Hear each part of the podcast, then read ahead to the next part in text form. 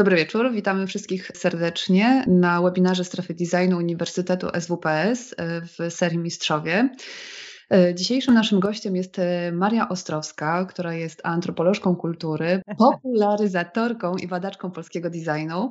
Marysia jest też współtwórczynią i koordynatorką wielu polskich i zagranicznych wystaw, pokazów mody, wykładów i warsztatów, między innymi podczas Milan Design Week, London Design Biennale, London Fashion Week czy Wanted Design w Nowym Jorku.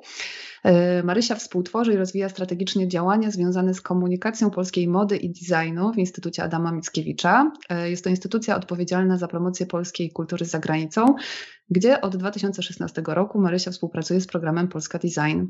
Jest też członkinią Rady Ekspertów Nagrody Must Have przyznawanej przez Łódź Design Festival, a także wykładowczynią e, Akademii Sztuk Pięknych w Łodzi. Witaj, Marysiu. Witaj, Agato. Dzień dobry Państwu. Bardzo mi miło, że, e, że możemy dzisiaj porozmawiać. W tak trudnych też warunkach, tak naprawdę. Zresztą przed wejściem na antenę, tak zwaną, rozmawiałyśmy o tym, że Zoom e, jest dosyć trudnym e, przeżyciem, czy też w ogóle rozmowa online to jest coś, co jest wszechobecne i też ta wrażliwość na rozmówcę czy też energia y, jest, jest bardzo y, spotęgowana tak naprawdę, więc tym bardziej cieszę się, że możemy y, też tego doświadczyć. A spotykamy się dzisiaj, żeby mówić o, o polskim designie o tym, jak go wypromować w świecie, bo Twoje doświadczenie w tym zakresie jest olbrzymie. Ty współtworzysz strategię promocji polskiej kultury w świecie w zakresie mody i designu. Masz dostęp do wszystkich wydarzeń, miejsc, ludzi, kontaktów, którzy chcą pokazać, pokazywać polski design i polską modę i masz wiedzę, co ludzie chcą oglądać, co ich tak naprawdę interesuje w polskim designie, w polskiej modzie. Jakie e, działania i inicjatywy przyczyniły się do takiego stanu rzeczy, że polski design jest coraz bardziej zauważalny na świecie? E, I które polskie działania, projekty czy wydarzenia e, są najbardziej widoczne i dlaczego? Dziękuję za taki wstęp, Agato. Sama aż zobaczyłam to swoje doświadczenie może trochę od innej strony, bo faktycznie e, współpracuję z Instytutem Adama Mickiewicza, e, działam na wielu polach, nie tylko e, na takim polu organizacyjnym. Staram się swój wkład badawczy także wykorzystywać w różnych obszarach ale jeśli chodzi o samo doświadczenie związane z promocją e, polskiego designu, to faktycznie udało mi się zdobyć dość szerokie pole, też, e, a może przede wszystkim dzięki współpracy z różnymi partnerami, zarówno z partnerami z Polski, jak i z zagranicy. I to jest e, taki mm, unikalny rodzaj faktycznie wiedzy albo mm, kontaktów, mówiąc bardziej wprost, na którym, czym po którym mogę zobaczyć parę różnych e, zjawisk prowadzących do tego, że ten polski design faktycznie e, bywa, nie powiedziałabym jest, bo jest, to jest takie trwałe, stabilne i po prostu od kilkudziesięciu lat, e, ale bywa widoczny w różnych miejscach na świecie. Oczywiście mogłybyśmy tutaj wrócić do podstaw, do początku, zastanowić się, czym jest ten design, jaki design promujemy, co pod tym słowem się kryje, ale to wiem, wiem że to jest e, webinar nie o tym, e, więc mhm. będę mówiła bardzo ogólnie. Jeżeli ktoś by miał jakieś e, dodatkowe pytania, to pewnie będzie później czas na to.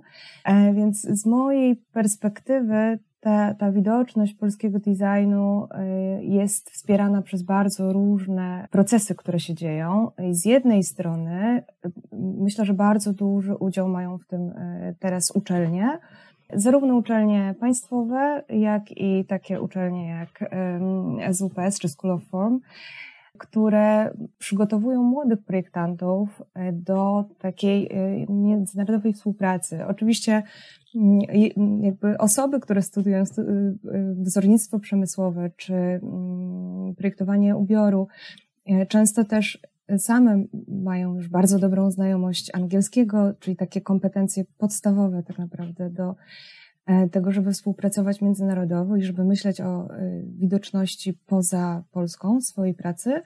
Oprócz tego mają też często duże obycie już E, międzynarodowe. E, mhm. Nie, nie chodzi mi jeszcze o ten stopień profesjonalny oczywiście, ale e, często mają znajomych poza Polską, mają jakieś doświadczenia wyjazdowe. Mm, jest troszkę taki odważniejszy mindset. Nie lubię tych angielskich słów, ale mam wrażenie, że, że to akurat tutaj pasuje.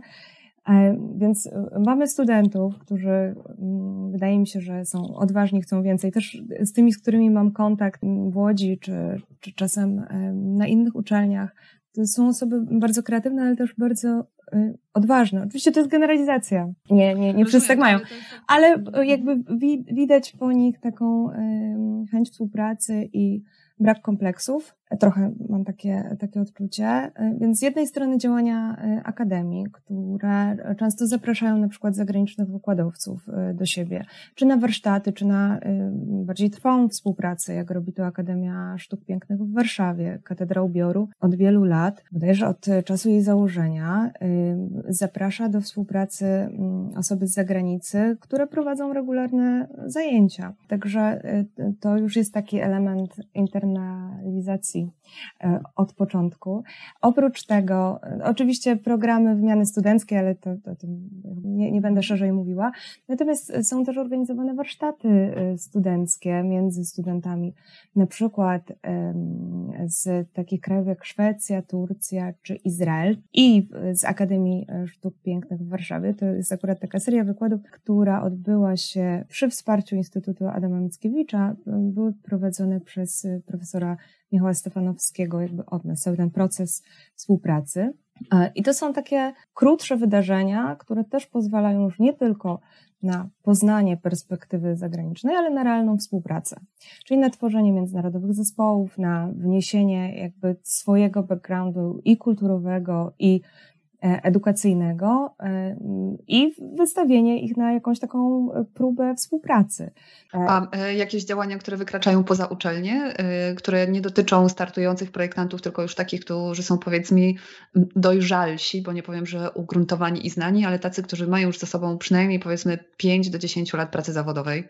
Oczywiście tacy projektanci też są widoczni za granicą. Część z tych osób to są osoby też, które studiowały po prostu za granicą.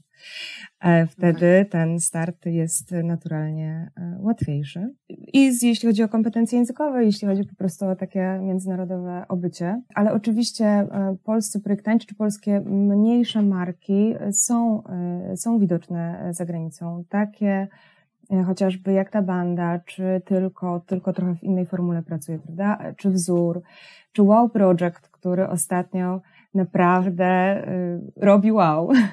na, na świecie. E, I to jest takie studio, studio projektowe z Warszawy. Oni wytwarzają obiekty, mm, drukując je na drukarkach 3D, ale dużo eksperymentują z materiałem. Mm, naprawdę bardzo polecam ich pracę, ale oprócz tego y, świetnie potrafią zaistnieć właśnie w takich strukturach międzynarodowych. Tak, tak, tak. Wzbudzają naprawdę dużo zainteresowania. Czy na tej podstawie możesz w ogóle powiedzieć, czy jest coś takiego jak e, wy, e, wyróżnik polskich projektantów w świecie? E, czy jest coś, na co ludzie w świecie szczególnie zwracają uwagę i myślą sobie, o, to, to, to muszą być Polacy, albo o, to jest polski design. I nie mówię tutaj o etnodesignie, oczywiście o wszystkich rzeczach, które powiedzmy gdzieś tam zahaczają o, o polski folklor, czy są blisko inspiracjami do sztuki ludowej, ale może jest jakiś taki wyróżnik, który udało Ci się e, złapać przez te, e, przez te lata. Przez te kilka lat parę razy zadawano mi to pytanie i zawsze tak, wtedy jestem tak. taka hmm, lekko skonfudowana. Wydaje mi się, że y, można poszukiwać takiego wyróżnika opierając się y, na, na kilku y, zdaniach mądrych ludzi z zewnątrz też, bo wielokrotnie w dyskusjach, już jakby nie, nie, nie wchodząc w ten temat głębiej, ale wielokrotnie w różnych dyskusjach przy różnych projektach promujących polski design za granicą, spotkałam się z mm, takim stwierdzeniem, że polski design jest e, e, zaradny, że można go przez tą zaradność definiować. I to nie tylko jeśli chodzi o wzornictwo przemysłowe, ale też o modę. To nawet taki, taka refleksja z ostatnich, z ostatnich miesięcy, czyli nie faktycznie. Bardzo, bardzo ładne określenie w ogóle zaradny. Takie mm, powiedziała. Yy... No, mądre. To akurat nie przypisuję sobie autorstwa tego, tego stwierdzenia, ale zgadzam się z nim. E, myślę, że to jest kwestia pewnych warunków e, historycznych, e, które jednak nas w jakiś sposób, nas teraz mm, ukształtowały też. Ta umiejętność stworzenia w trudnych warunkach, z tylko dostępnych materiałów, z mm, kiedyś w ograniczonym, ograniczonych możliwościach eksperymentów. Teraz oczywiście uczelnie mają bardzo dobre zaplecze, często mają świetne warsztaty do, do wykorzystania. E, natomiast różnie to bywało i też mam wrażenie, że ta zaradność taka po prostu wymuszona dziejowo nam towarzyszy. A teraz e, w tych warunkach, które nas dotyczą, będą dotyczyły za chwilę, nie wiemy jakich tak naprawdę, to wydaje mi się taka e, cecha bardzo ważna, bo to jest też e, naturalne dostosowanie się do szybkich zmian. Tak, myślę, że też ta, ta zaradność może też e, wpływać na ograniczony zasób, który ma odbiorca tego projektu, prawda? Że jakby te projekty też mogą być po prostu przystępne cenowo dla ostatecznego klienta czy odbiorcy, no bo też jak gdyby te projekty, mm, miarą ich sukcesu jest nie tylko rozpoznawalność na świecie ostatecznie, tylko to w jaki sposób się sprzedają i po prostu dają zarobić projektantowi, prawda? E, tutaj to jest oczywiście odrębne pytanie, czy polscy projektanci są, czy, czy mają taki sukces za granicą? Czy można powiedzieć, że jest jakiś wolumen sprzedaży satysfakcjonujący dla nich? Czy macie takie dane w ogóle? To znaczy tak, no, trzeba było też znowu wrócić trochę do y, definicji związanych z, z, z designem, tak? bo są firmy bardzo duże, które świetnie sprzedają E, i mają bardzo rozwinięty eksport. Najczęściej są to e, po prostu meble czy drewniane, jakby nie, niekoniecznie sprzedawane pod ich własnym, pod ich własną marką. E, ale mam intuicję, że jednak nie, nie do końca o takie, e, o takie marki chodziło, tak? Bardziej o e, mniejsze, a, znaczy mniejsze. Ja w ogóle mam problem z tym pojęciem mniejsze, większe i młodzi i dojrzali projektanci, mówiąc szczerze, bardzo duży. Ale wiesz co, czy my zbieramy takie dane sprzedażowe? Nie dlatego, że to są często tajemnice handlowe, po prostu. Często marki nie chcą się tym dzielić. Często też zdarza się, że po jakichś targach tak naprawdę współpraca rodzi się po, jakiej, po jakimś czasie, tak? Albo marka jest obecna drugi, trzeci raz e, na targach i dopiero mm, ma jakiś konkretny sukces sprzedażowy, czyli podpisuje konkretne. Rozumiem, ta formuła targowa, y, którą Wy też y, wspieracie jako Instytut Adama Mickiewicza y, przez możliwość i dofinansowania wystawiania się młodych ludzi na targach, cieszy się popularnością. Znaczy po prostu ludzie chcą się wystawiać i pokazywać na takich wydarzeniach. Rozmawiamy w listopadzie 2020 roku, więc gdybyśmy rozmawiały rok wcześniej, powiedziałabym Ci stuprocentowo tak. To też Myślę, że y, mm, dużo jest głosów, które się pojawiały wcześniej przed tą pandemiczną sytuacją, e, związanych z tym, jak, jakby, jaka jest zasadność tak naprawdę takich wielkich branżowych targów jak e, salony del mobile, e, które generują ogromne koszty, a trwają kilka dni. Ale pomimo refleksji różnych, te targi wciąż miały swoich odbiorców, wciąż miały grono wystawców więc y, faktycznie no to, to jest okazja do spotkania e, branży, to jest okazja do nawiązania kontaktów biznesowych, to jest okazja do przede wszystkim też y, o czym może nie, nie, tak nie wprost się mówi do networkingu i do prezentacji swojej pracy dziennikarzom międzynarodowym. Nie, także tych celów po drodze jest wiele, ale powiem szczerze, nie wiem jak będzie. Może się okazać y, za pół roku, że jest to nam jednak w jakiś sposób niepotrzebne. Chociaż dzisiaj jeszcze sprawdzałam, e, Mediolan, czyli Salone del Mobile, e, na razie ogłosił datę e, targów na 2021 rok. To jest chyba 14-18 kwietnia. To jest na pewno kwiecień, tak jak, tak jak co roku. Jednocześnie też dzisiaj E, dostałam informacje od London Design Fair, y, które już teraz y, zapowiadają, że przenoszą się na 2022 rok. To ciekawe, bo London, e. bo London Design Biennale z kolei przeniosło się z 20 na 21. E, no to ciekawe. No właśnie to jest też kolejne moje pytanie, na jakich, na jakich wydarzeniach warto bywać? Jak to robić w dobie pandemii? W jaki sposób te wydarzenia się przeformułowały? W jaki sposób udostępniły możliwość pokazywania się projektantom i czy w ogóle właśnie e, Twoim zdaniem będzie miało sens tworzenie takich przestrzeni międzynarodowych dla różnych projektantów i, i różnych wystawców, e, skoro wiele rzeczy można zrobić e, online de facto. Z jednej strony faktycznie ten trend online ze względu na to, że chwilowo nie mamy innej możliwości, wzrasta, ale mówimy o częściowo oczywiście o wzornictwie przemysłowym, o materii, które, którą jednak trudno przenieść zupełnie w strefę online'u. E, ja mam e, bardzo ambiwalentne odczucia. Z jednej strony takie wydarzenia jak Dutch Design Week, który odbył się kilka dni temu, dosłownie, dwa tygodnie temu, przeniósł się zupełnie do online'u i mam wrażenie, że częściowo przy tym wydarzeniu się to sprawdziło. To jest wydarzenie, które nie jest czysto targowe, ma inny charakter, bardziej eksperymentalny, bardziej związany z ideami, z szeroko pojętym designem. Jest takim, powiedziałabym, ośrodkiem e, innowacji, jeśli chodzi o wydarzenia festiwalowo-targowe. Dla tego wydarzenia przeniesienie się do online'u to na pewno było w jakiejś części stratą, ale też było bardzo dużym zyskiem. E, z mojej perspektywy na pewno zasięg e, jest nieporównywalny. Te wystawy, które były tam zaprezentowane, jeśli chodzi o właśnie takie wydarzenia bardziej mm, związane z konceptem, tak, konceptualne, mhm często nie traciły, znaczy, nie wiem, nie wiem jak wyglądały na, w rzeczywistości, ale powiedzmy, że miały jakąś inną jakość. Może używanie słów, czy traciły, czy zyskiwały, nie jest do końca trafione, ale po prostu miały inną e, jakość odbioru. E, I to też wydaje mi się bardzo e, interesujące. Natomiast podobna formuła przy Mediolanie nie wiem, czy mogłaby się sprawdzić.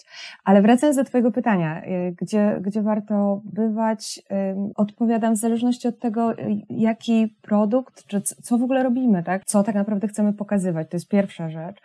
E, wydaje mi się, że też ważne jest to, y, w którym miejscu kariery jesteśmy, bo jeżeli jesteśmy mm, na studiach czy zaraz po studiach i najczęściej mamy projekty dyplomowe, to jest e, kilka wydarzeń międzynarodowych, w których warto wziąć udział ze swoim dyplomem, gdzie warto się zgłosić na pewno, czyli z takimi projektami świeżymi, młodymi i często konceptualnymi jednak w jakiś sposób.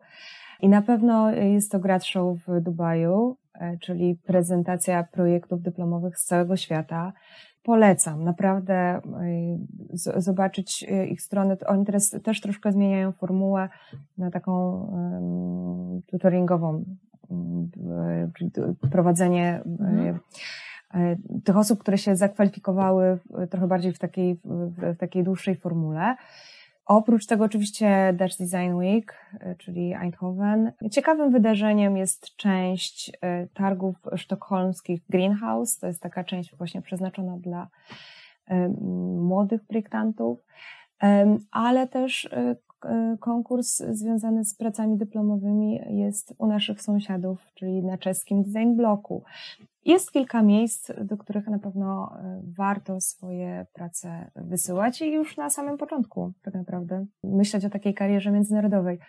Zdecydowanie z, tych, z, z tej kategorii ja myślę, że Dubaj jest takim. No, myślę, że otwierającym też e, bardzo e, ciekawy rynek, tak naprawdę, bo tak. ja, ja, ja, jestem takim zwolennikiem myślenia o designie jednak od strony też. Um, biznesowo e, sprzedawalno-nabywczej. To znaczy, jakby uważam, że, e, że e, jakby konceptualny design i, i myślenie o przyszłości jest, jest wspaniałe i jakby ono jest konieczne, ale ostatecznie też projektanci, którzy uczą się na przykład wzornictwa przemysłowego, no ich finalnym takim weryfikatorem jest jednak rynek i to, czy ich produkty się sprzedają, czy się nie, nie, nie sprzedają. I wydaje mi się, że Dubaj jest świetnym miejscem do tego, żeby zobaczyć, też e, tak naprawdę, jak ten rynek się rozwija, gdzie mm, można się pokazać, w jakim e, kierunku e, też zmierzają trendy.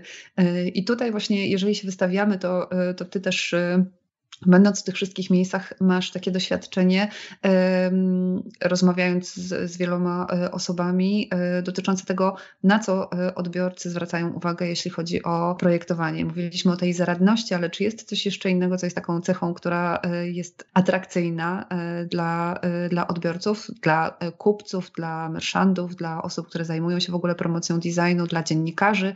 Czy jest coś, jakby nawet nie chciałabym tutaj generalizować, czyli mówić, że nie wiem, polski design jest zachwycający, albo że polscy projektanci są e, kontaktowi. Ale być może tak jest, na przykład, tak? Albo, że być, e, albo że być może są super kontaktowi, bo to też jest e, absolutnie ważne i o tym się chyba nie mówi. Tak, I tak. fajnie, że istnieją takie przedmioty na studiach, które teraz się pojawiają właśnie jak kreowanie własnego wizerunku, czy budowa marki osobistej, które, które kładą nacisk na to, że tak naprawdę to nie jest tak, że czego, czego no trochę tak jest chyba, że czego się nie dowiesz, to do wyglądu wyglądasz, tak? W tym sensie, że po prostu trzeba być tak. pewnym siebie i umieć tak. wejść i powiedzieć, ja jestem zajebisty. Tak, zdecydowanie. To znaczy mm, ta pewność siebie jest bardzo ważna. E, tutaj połączyłabym to z, znów z kompetencjami językowymi i oczywiście osobowością. No, też nic na siłę.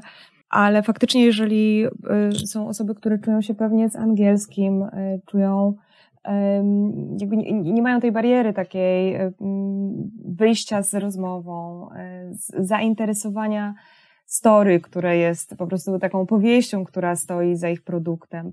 E, to na pewno jest to bardzo ważne. Też wydaje mi się, że mm, no absolutnie, tak jak mówisz Agato, no jednak konieczne w, w jakiś sposób na targach, tak? I też odwiedzający są e, w jakiś sposób, to to wyobraźmy sobie taką sytuację, w której na targach y, dziennie spotykamy naprawdę kilka tysięcy osób, oglądamy kilka tysięcy różnych stoisk, różnych marek. Mm, naprawdę no, to wystawca musi się postarać, żeby jego, y, jego produkt był zauważalny. I jeżeli nie mamy budżetów, równych Witrze czy innym wielkim markom, no to, y, to faktycznie musimy zadziałać profesjonalnie na tym y, trochę niższym poziomie, czyli wychodzić do ludzi, rozmawiać z nimi, ale mieć też przygotowane takie podstawowe rzeczy, jak materiały prasowe, e, jak zdjęcia, które możemy bardzo szybko przesłać, jak jakiś kontakt do nas, wiedzieć, jak, jak będzie wyglądała gwarancja, ile czasu potrzebujemy na produkcję, jakie wolumeny, jakby, no takie bardzo, no i a przede wszystkim, jaka jest cena. I jaka jest cena przy jakby świadomości wszystkich dodatkowych kosztów, które przy współpracy międzynarodowej często są.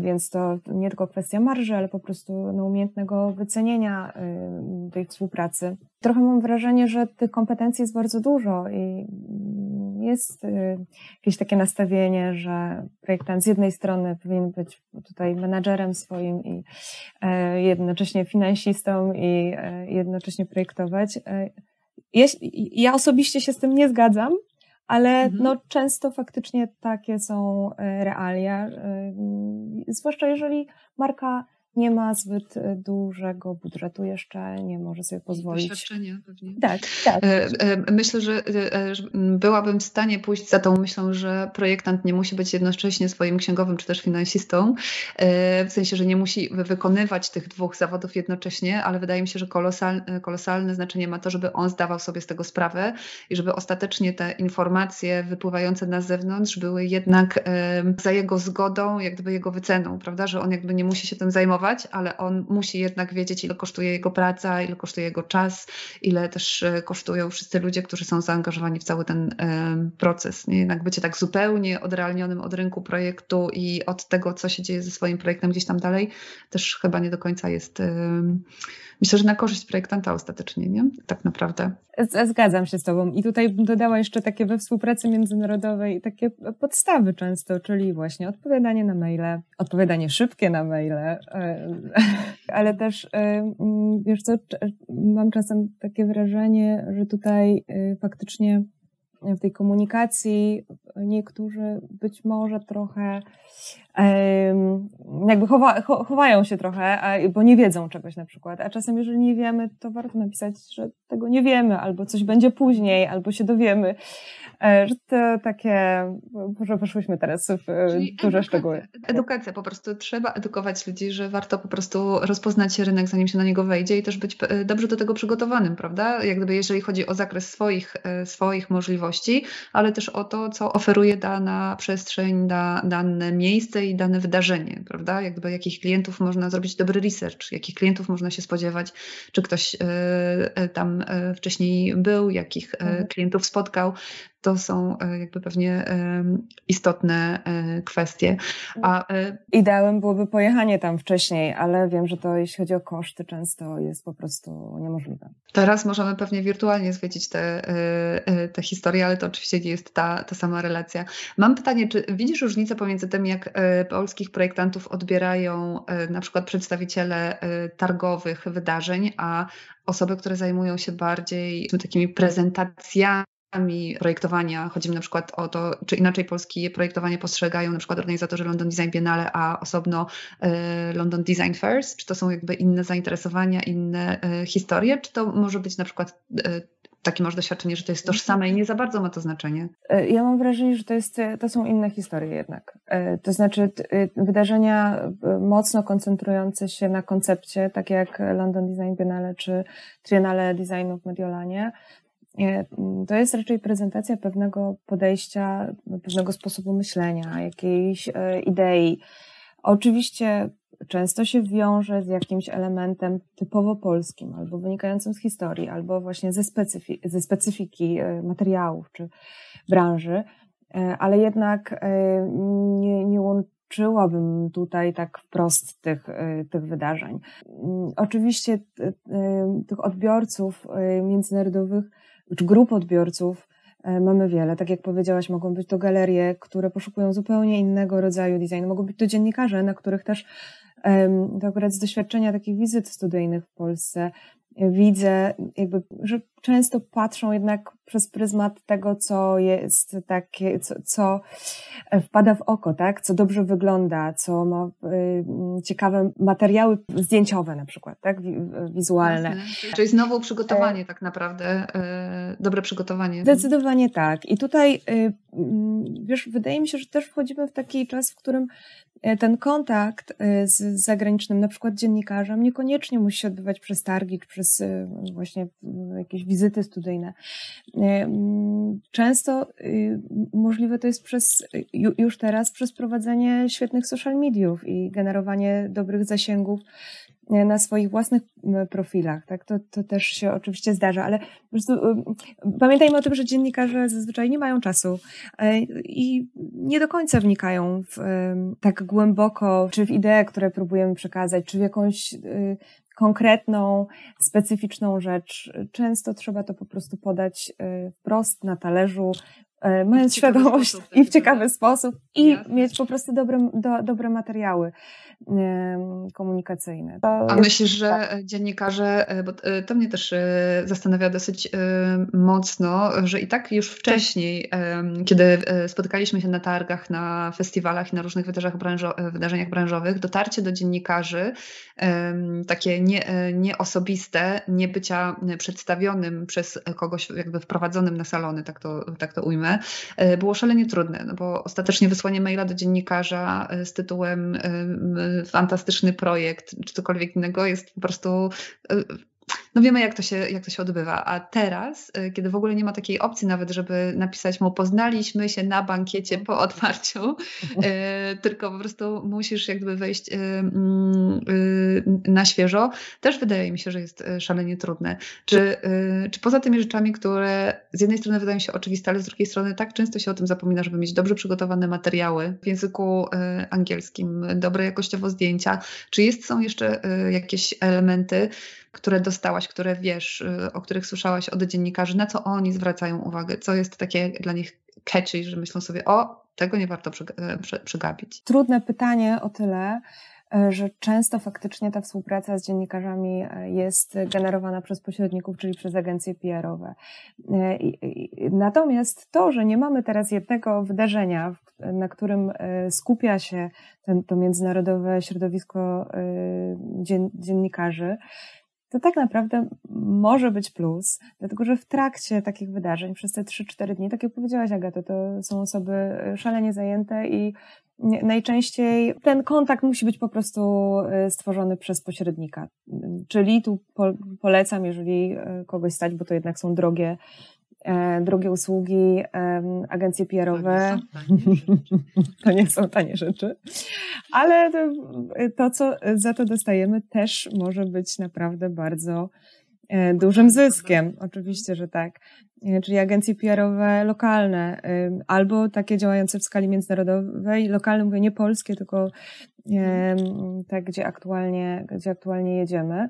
I oczywiście no, dziennikarze często szukają projektów, które by były wyróżniające się. Pytają o specyfikę polską, pytają o polski rynek. Oczywiście tak. Mm, ale mam wrażenie, że tutaj ta, ta, ta kwestia narodowości e, często schodzi na dalszy plan, a liczy się po prostu e, dobry projekt, interesujący projekt, no bo to dobry, mm, to też możemy dyskutować, co to, co to znaczy, ale, mm, ale interesujący dla nich projekt. E, czasem e, dziennikarze mają już jakiś zamysł, chcą pisać o jakimś konkretnym, wąskim temacie i wtedy, nawet jeżeli byśmy bardzo chcieli, to nie zainteresujemy ich tym, co nam się wydaje na ten moment e, najlepsze, ale po prostu czymś, co im pasuje do koncepcji.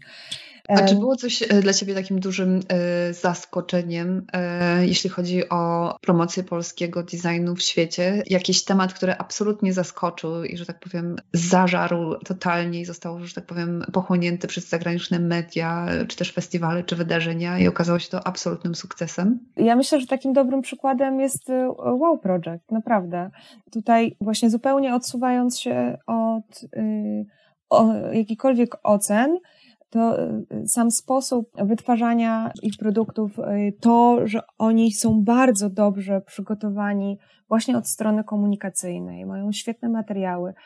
E, są jakby, no miałam okazję też z, w różnych spotkaniach z nimi uczestniczyć. Wiem, że są bardzo kompetentni językowo, są chętni do rozmów, bardzo dobrze nawiązują kontakty. Tutaj myślę, że wszystko składa się na taki sukces marki. Oczywiście podstawą jest produkt i, i pomysł, ale te inne elementy, o których mówiłyśmy, też są w stu procentach E, na wysokim poziomie i tutaj e, faktycznie z e, Wow Project po kilku obecnościach na targach no i może pochwalić się, mm, wydaje mi się, bardzo w skali polskiej wyjątkowym sukcesem.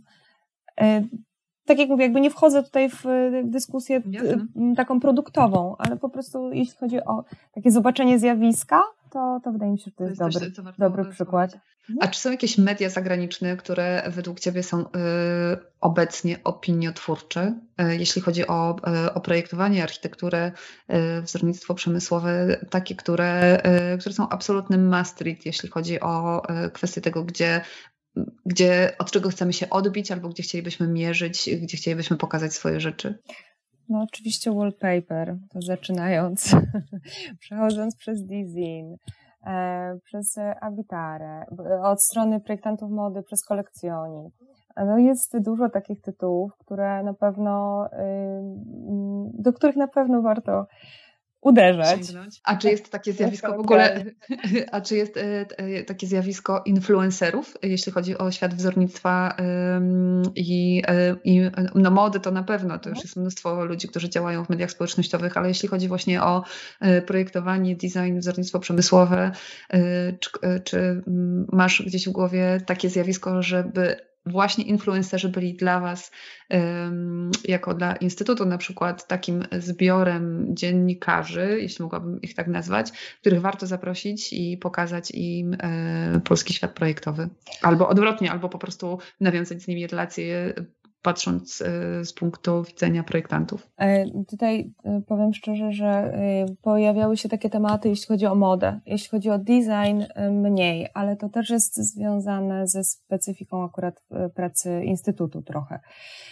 Natomiast oczywiście uważam osobiście, że to jest bardzo duża wartość, influencerzy, ale też wiem, że często nie współpracują za darmo, także mm, To znowu jest tak pytanie jak z agencją PR-ową, nie? Jak gdyby być może czasem jest tak, że warto zainwestować coś, bo, bo to, co wraca jest jak gdyby i zwraca to, co zostało zainwestowane i jeszcze masz jakiś plus.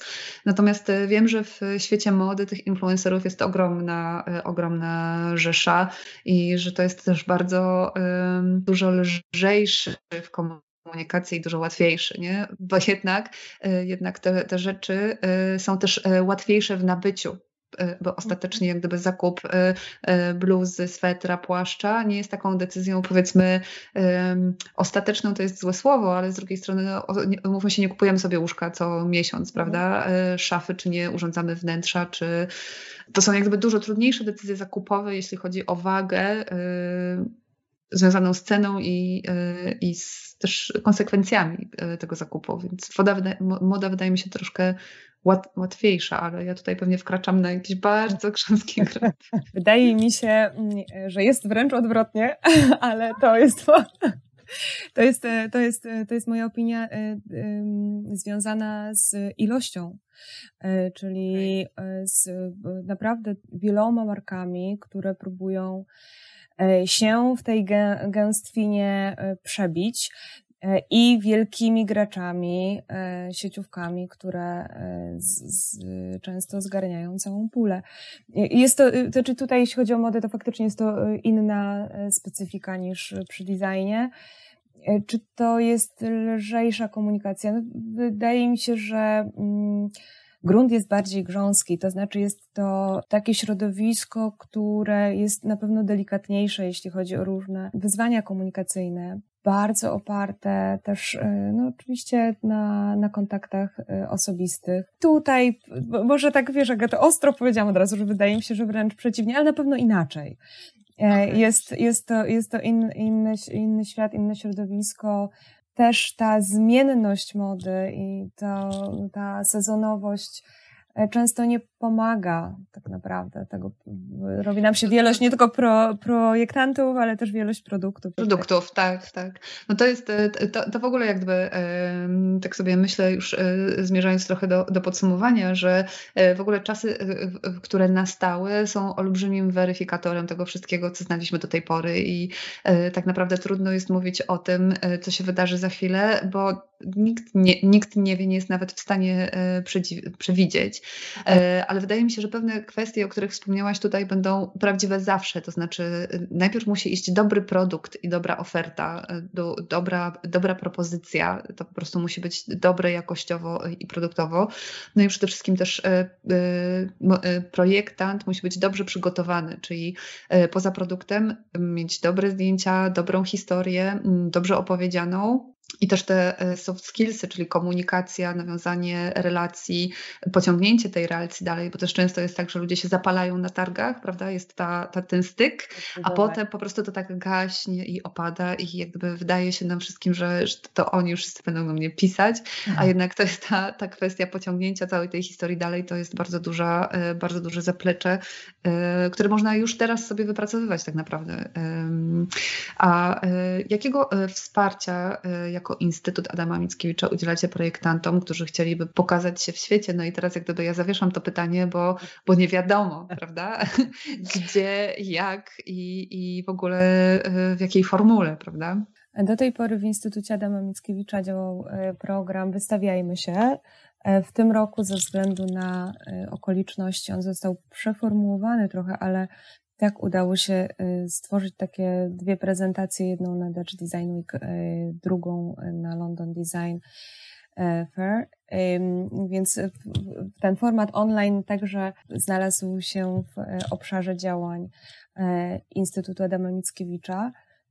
Natomiast to, co w ogóle może być zaoferowane przez różne ośrodki wspierające y, komunikację projektantów, y, czy w Polsce, czy za granicą. I ja na pierwszym pytaniu, przepraszam, wiem, że mam już bardzo mało czasu, ale nie powiedziałam okay. o bardzo wielu ważnych um, um, miejscach, w których możemy takie wsparcie uzyskać. E, różne oczywiście i dla różnych firm, tak, w zależności od wielkości. Ale e, oprócz Instytutu Adama Mickiewicza, kolejnym miejscem, gdzie można z, zobaczyć programy dotacyjne, to jest Ministerstwo Kultury, Dziedzictwa Narodowego i Sportu. E, tam jest taki program rozwój sektora kreatywnego i teraz trwa nabór tak naprawdę do tego programu do 30 listopada. Także polecam też, żeby sobie zobaczyć ten program, bo tam są pieniądze na wyjazdy zagraniczne. Tam jest jedna ważna, jedna ważna kwestia, która jest chyba istotna dla wszystkich przedsiębiorców, to jest to, że tam trzeba mieć pełną księgowość do rozliczania tak. E, projektów i to jest też czasem bariera dla niektórych e, projektantów, że to jednak wymaga e, pewnej przedsiębiorczości, ale jakby da się to też zrobić, ale na to trzeba zwrócić uwagę. To, to jest specyficzny wymóg jak na takie finansowanie, no ale tutaj jakby tak jest faktycznie stworzony regulamin. Warto też patrzeć na to, co się dzieje w Parpie. E, tam przez e, długi czas Czyli był. Polskiej Agencji Rozwoju Przedsiębiorczości. Tak, tak. Był taki program Go to Brand e, i to był program dofinansowujący wyjazdy właśnie na targi i misje zagraniczne. Przez jakiś czas trwały prace międzyresortowe nad flagowym programem Meble Polskie. I to miał być faktycznie kompleksowy program wsparcia dla, już nie dla projektantów, a dla dużych y, firm przede wszystkim e, meblarskich. I tam też warto, y, to był program prowadzony przez PFR, czyli Polski Fundusz Rozwoju. Warto też czasem y, tam zaglądać, co się aktualnie, aktualnie dzieje. Są jeszcze zagraniczne biura handlowe. E, w różnych miejscach na świecie to są takie jednostki parpowe, ale też e, warto czasem z nimi rozmawiać. Czasem można indywidualnie e, zwrócić się o wsparcie do instytutów polskich, albo do konsulatów polskich, albo ambasad polskich w danym miejscu. I to polecam, bo nawet jeżeli nie otrzyma się środków z tych miejsc, środków finansowych, to często jest to wsparcie komunikacyjne albo pomoc e, w jakimś e, skontaktowaniu z kimś.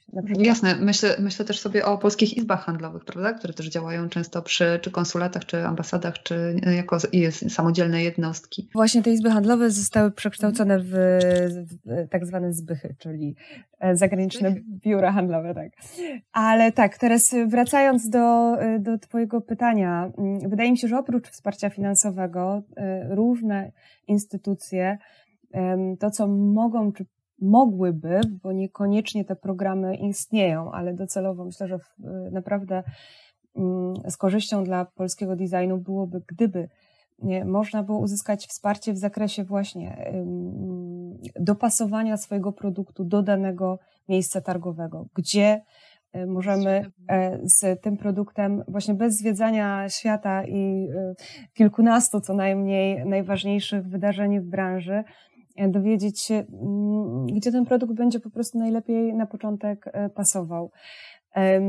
Ponadto y, właśnie takie wsparcie związane z kontaktem e, z dziennikarzami, czy kontaktem z osobami już branżowo bardziej prowadzącymi showroomy, czy sieci sprzedażowe i tak. To się akurat dzieje, ale to, jest też, to są też często działania dla dużych marek. Brakuje takiego całościowego jeszcze, mam nadzieję, że to w przyszłości będziemy mogli zobaczyć taki rozwój programów wspierających dla projektantów y, całościowy bardziej, tak? Mm, taki kompleksowy. Tak sobie teraz pomyślałam, tak. że e, istnienie takiej, e, być może jest, więc pewnie podpowiesz, takiej agencji, która zajmuje się właśnie, trochę to robi Instytut Adama Mickiewicza, ale wy jakby ideowo promujecie polską kulturę i polski design, więc to nie jest taki właśnie, nie wiem, ja lubię to słowo merchant, który gdzieś tam fiskalizuje tą współpracę, ale właśnie takiej agencji, która jest bezpośrednio nastawiona na na promocję polskiego e, projektowania. Taka agencja, która nie tylko łączy e, e, projektantów z dziennikarzami, ale łączy ich bezpośrednio z jakimiś sieciami sprzedaży. Jest taką sformalizowaną formułą, gdzie wiadomo, że jeżeli chcemy coś sprzedać, to, to kontaktujemy się z, z tą organizacją. Takie cele miał ten program flagowy Polskie Meble. Między innymi oczywiście, bo to był bardzo kompleksowy program. Tam, z tego co wiem, w tamtym roku była prowadzona taka rekrutacja do akceleratora biznesowego, czyli właśnie takiej trochę formuły doradztwa, E, dla, dla firm e, związanego z eksportem zagranicznym. E, także to polecam. Nie wiem, czy w tym momencie to działa, bo mm, Jasne. obecny czas, tak, tak. Ale faktycznie te, te, takie cele, na pewno, tylko program branżowy Meble Polskie dotyczył tylko mebli.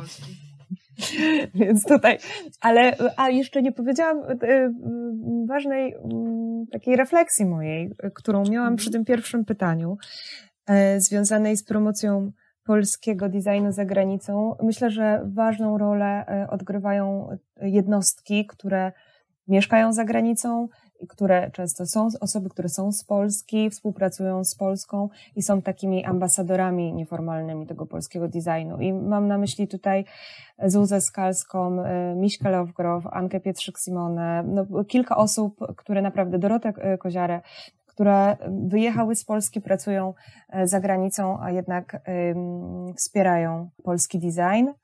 No mm. myślę, że ta, ta rola jest nieprzeceniona w ogóle tak naprawdę ludzi, którzy gdzieś się nasiąkli już specyfiką miejsca, w którym e, są, w którym zapuścili swoje korzenie, doskonale orientują się i mają e, po prostu kontakty, które jak już rozmawiałyśmy i podkreślałyśmy tutaj nieraz są e, tak naprawdę kluczowe dla, dla mm, odniesienia jakiegokolwiek sukcesu, że tak powiem.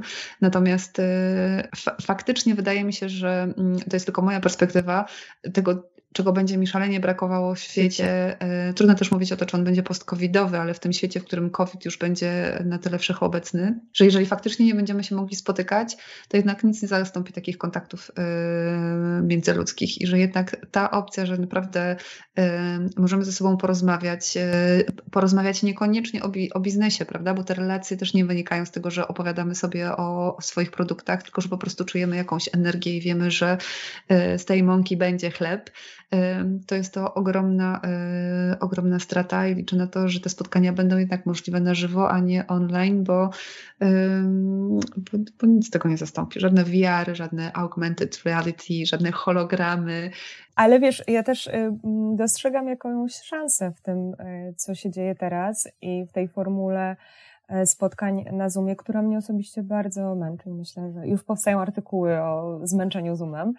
E, Natomiast y, na pewno na ten moment mamy dostęp do bardzo wielu wydarzeń, konferencji e, online'owo, do których normalnie nie mielibyśmy dostępu, albo musielibyśmy przelecieć pół świata e, i wygenerowałoby to bardzo duże koszty, znaczy może nie, nie mielibyśmy dostępu, ale to na pewno by to po prostu pociągało ze sobą jakieś decyzje finansowe. Dokładnie. Także no jest to jakaś... Ja zgadzam, że nie można jakby e, skorzystać z wielu, e, z wielu rzeczy e, w tym zakresie, tylko ja oczywiście, ja mam taką duszę sceptyka, tylko tak sobie myślę, że jak już siedzisz powiedzmy 8 godzin na tym Zoomie, bo masz spotkania, że to jest strasznie ciężkie skupić uwagę przez 8 godzin na tych spotkaniach Zoomowych, bo czy tym Skype'owych, czy online'owych, jakkolwiek, prawda?